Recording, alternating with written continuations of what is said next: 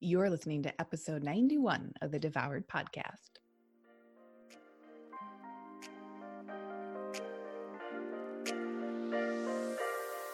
Welcome to Devoured, the podcast for women ready to release the title of Dieter for Good.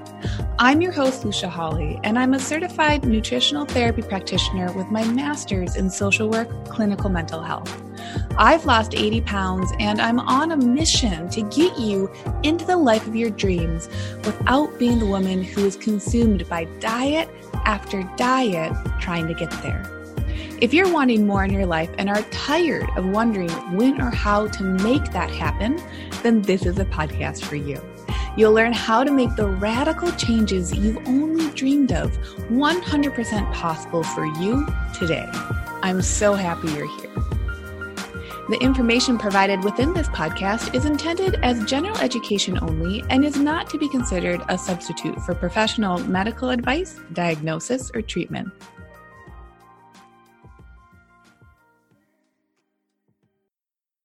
Hey everyone. We're still in quarantine over here. We're about week four, give or take a few days. And I say that for relevance so we have a context for this episode because I record these episodes about a week or a few days out from when they post and go live. Actually, a few months ago, I started to think that I should batch my podcast episodes. I release, well, I create the subjects and the idea for the podcast a few months in advance, and then I know what I'm going to record. So when I started to do that a while back, I thought, oh, cool, I can just batch the podcast episodes and we'll call it good, right? Get them all recorded in the beginning of the month and then just boom, boom, boom. And what I've realized from that thinking, especially as we are in quarantine, is that it may not be as helpful as it could be. And so after a few rounds of batching a couple episodes here and there, I'm back into the swing of recording an episode every week and allowing that space in my schedule because what I have found is that the episode can flow so much more freely. I'm not trying to predict the future. And I'm in charge of the conversation, but I'm not in control of it. And I think that's so timely right now because isn't that the thing? That we're all managing right now. We're managing these either conversations or feelings, these vibrations of energy within us that show us, tell us, rip us out of our comfort zone, but get us curious as to whether we have ever believed, or perhaps that we have defaulted to believing that we could be in control. And so, what I hope for these episodes as we navigate through the quarantine, and even if you are beyond the quarantine, you're, we are beyond the pandemic because we will be one day, regardless of the time that you are in as you are listening to this episode, I know it's going to find you well because there are always takeaways. And so, as I stopped trying to predict the future, I felt that much more able to come back into the present moment in the present week itself. So here we are, week four ish of quarantine. And what I thought would be relevant today is our relationship to fat loss, because a lot of us are being confronted with our relationship to everything our relationship to our anxiety, to our goals, to our dreams, to our family members, to our friends, to ourselves, our relationship to our pets, to our routines, to our structure, to our lack thereof, our relationship to our finances, our relationship to things that maybe we hadn't even thought about before, our relationship to nature, our relationship to the ins and outs of the hours when we sleep, a personal anecdote, I've recognized that I I had this relationship with anxiety that I've known. I have a whole story around anxiety, especially how it relates to eating gluten and what a change in my life it was when I stopped eating gluten and also dramatically reduced the intake of yeast that I was eating by proxy. And the anxiety and the panic attacks that had become such a large part of my life and a hidden part, I did not tell many people about them. This part of my life that was controlling me, I felt completely controlled by it. It felt like it was starting to become my personality and that I never asked for that. And so this relationship to anxiety has been rooted in this story from my teen years and just how empowering it felt to have something like food, like gluten, a protein in food, that by its absence, my life could completely change. I could be in charge of my life again. And so, since then, and because of then, I've been curious about anxiety and what it is flagging to me when I start to experience it. When I experience panic, anyone who knows me personally, or I, I don't think I chat about it too much on the podcast here and there from this past fall, but the year of 2019, so all of last year, I actually had a lot of anxiety and I didn't know why. And I, I, it made me feel like my body was broken, right? Into these old thought patterns that weren't serving me, but I just couldn't figure it out. And a lot of my life around health and wellness was that I had figured things out to a certain extent. I felt like if I just kept working harder, I could keep figuring it out.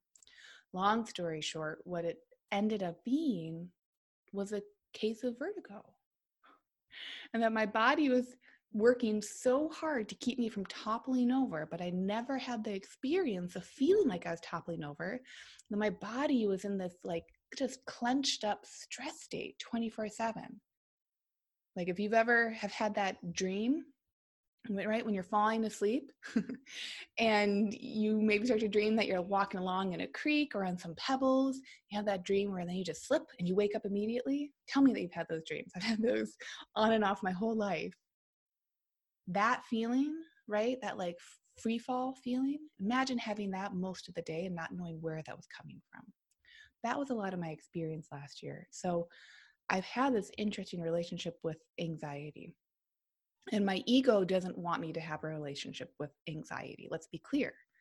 My ego says, don't worry about it. You're fine. Go on, go do your thing. Right? Just buck up, just get stronger. And so, with the quarantine, I'm sharing this because I think it's a really nice example of being in relation to something that maybe we haven't understood we could be in relation with, right? We can be in relation, yes, to tangible things like other people, our bank account, but we can also be in relation to emotional experiences and the intangible. So, my relationship with anxiety through quarantine has been fascinating when I choose to have self awareness. And what my self awareness has shown me over the last week, because it took a couple weeks of experience and experiencing the anxiety. What I realized is that I had a time of day that I was was, and I'm sure still will be, experiencing anxiety. It didn't greet me when I woke up. It didn't hang out with me during the day. But come five, six o'clock, seven o'clock after dinner, before bed, that window of time, anxiety spiked. Day in, day out. Didn't matter how much outdoor time I got, it didn't matter how much I moved my energy through music or through movement or through chatting with loved ones.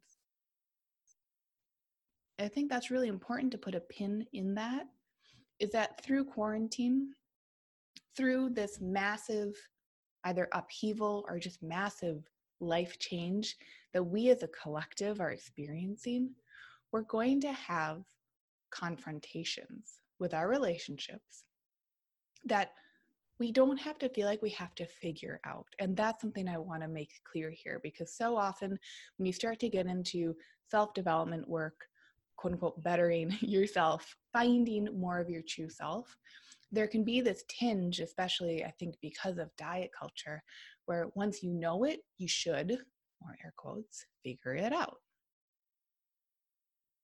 I would like to dissolve that figure it out thing. Because if our drive to figure things out is simply coming from a place of shame or blame or guilt, lack, scarcity, we're not actually moving through that relationship. And if it helps to think about it in this way, think about a relationship with someone where that conversation was never had. There wasn't closure. Maybe think back to like, I don't know, your teen years, right? Hormones were high and words were just thrown around, more likely. In hindsight, that relationship that was more difficult or more frustrating. I know for myself, if I look at relationships, there are things that I wish I had said or experienced, or I was so nervous about the discomfort of either a confrontation coming from love or a reckoning of what the two parties in the relationship were experiencing. I don't mean even romantic, just relationships in general, friendships. There was so much that was not metabolized in those relationships that that is the thing that's the sticking point that i could come back to. So if we're just to, trying to move through relationships to quote unquote get through them figure them out become better but we're not actually doing it for ourselves we're just doing it for this potential gold star in our heads I think that's just something to be chewing on. And it can relieve, at least for me, if I bring it back to the anxiety that has been cropping up more frequently for me, if I felt the pressure to figure it out, it would become a shameful experience. And then I would try to avoid the experience versus allowing myself to experience the discomfort. And let's just be clear that is a really hard experience to allow yourself to be in. It is not fun when I'm sitting on the couch. I want to go numb out, right? I lean on food. I this whole podcast is because I've had an experience with food that's probably very similar to a lot of you. My default, my very, very old habit, the habit that was incredibly comforting and available to me as I was growing up was food. Food was comfort. Food was predictable. Food was exciting. Food was a lot of things for me. And so just notice, uh, you know, I've been chatting with different clients over the last couple of weeks, and there's a theme of old habits really coming up and rearing their heads. So get curious with yourself this week. And that's why I'm going to chat about our relationship to fat loss because we have to. If we can't feel like we can talk about it, it's going to keep being the thing that is, you know, doused in shame that we feel completely guilty around experiencing or that we haven't quote unquote figured it out yet. And that's what I see nine out of 10 times with women who come to me and they want to lose weight or that they feel so guilty that they haven't figured it out. They feel like there's, you know, it should be such a no brainer, right? A lot of us come to fat loss from an analytical standpoint, logical, right? Well, someone gave me my macros. Like I know how many calories I should be eating. I get enough. Like I do all the things. Bop, bop, bop, bop, bop. I check off all the checklists. I do it so well. We we're in this space of doing. And so if we're at an intersection where we want to be losing weight, and now we have a global pandemic also on our plates, this is a novel experience for so many of us. Not only, wow, I had this goal, and then maybe you're someone you've done the unpacking of the work. You know that the goal is from you, it's not necessarily from other people. You know that there are stories that you you grew up with, you've experienced culturally, and yet here you are. You would like to lose weight. And so when we respect those needs, we allow those needs to be, this is where we can start to feel from an emotional standpoint, less from the analytical and less from the logical. We can start to see that anything that is emotional, we are in relation to and with. And so this week, I simply want to offer this is a shorter podcast episode. I just want to offer to you What's it like thinking that you're in relationship to fat loss, that you can be in relationship to an action or to a way of being? All too often, our general idea of fat loss, and I believe from diet culture, is that it's this hard, scary, overwhelming thing that comes from deprivation, from depriving ourselves, that it has to be bad, that it has to be overwhelming, that we have to feel not like ourselves just to get through it. And we have to white knuckle through it. Where is that thought coming from? And do you believe, if it's come from past experiences, do you believe that your present experience, even in a pandemic, even with a completely different context than what any of us would have guessed even a couple of months ago, do you believe that your past has to inform your present? Or can you take your past with a grain of salt, get curious about it, and allow yourself to metabolize those experiences as you're pursuing something novel? Because I'm here to say fat loss does not have to upend you, it doesn't have to topple you over, it doesn't have to change your life you might want your life to change. And fat loss might be a vehicle in which you can dive into that deeper self exploration of what's going on. But that's the thing. If we simply try to be really overbearing in our relationship to fat loss, right? Oh, gotta count those calories. Ugh, not eating enough protein. I suck. Today's ruined. How can my partner do it, but I can't? I'm too tired to work out. Right? I feel gross in my yoga clothes. Whatever the stories are, can we start to take those with a grain of salt and see that they're simply stories? That's what I had to do with the anxiety. I had to allow myself to feel it enough that I could name it and recognize it. Instead of the old habit of having such a shame spiral around it, right? That I shouldn't be dealing with this. How many of us say like i shouldn't be overweight or i shouldn't be in this body. I should i should i should. We have all these shoulds. There was nothing wrong. There will be nothing wrong. And everything is okay. If we come to our curiosity around creating change in our lives with that thought versus all the identities that we wrap ourselves into that are directly from feeling ashamed of ourselves. What can open up for us? That is really something I'd love for all of you to be exploring this week. And that that doesn't have to be emotionally draining. That's the other thing.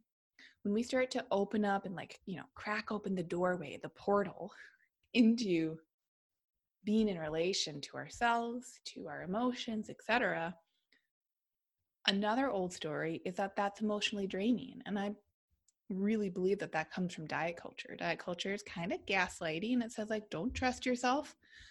You can't be in relationship to yourself, right? Your, your body's broken, kind of bad. It's, it's very like sinful in a lot of ways, right? You're sloth, you're a glutton, you're hedonistic, we have all these cultural stories that keep us separated from our bodies.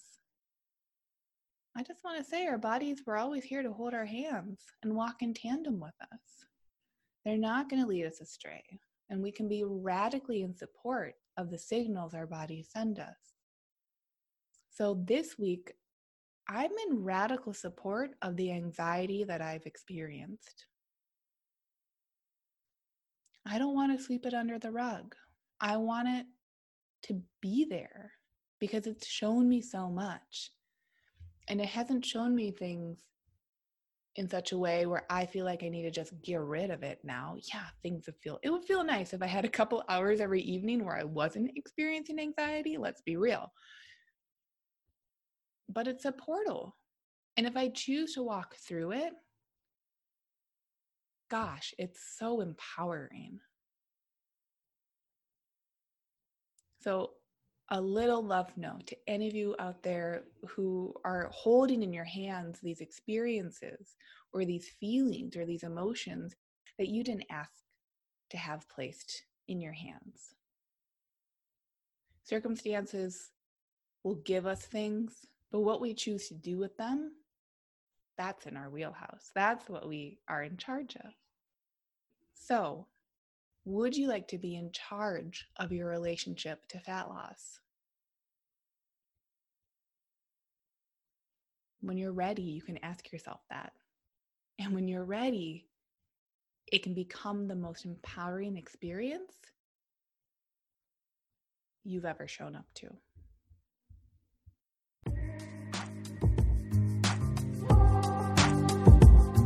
Okay, everyone, that's all for this week. Thank you for listening to this full podcast episode.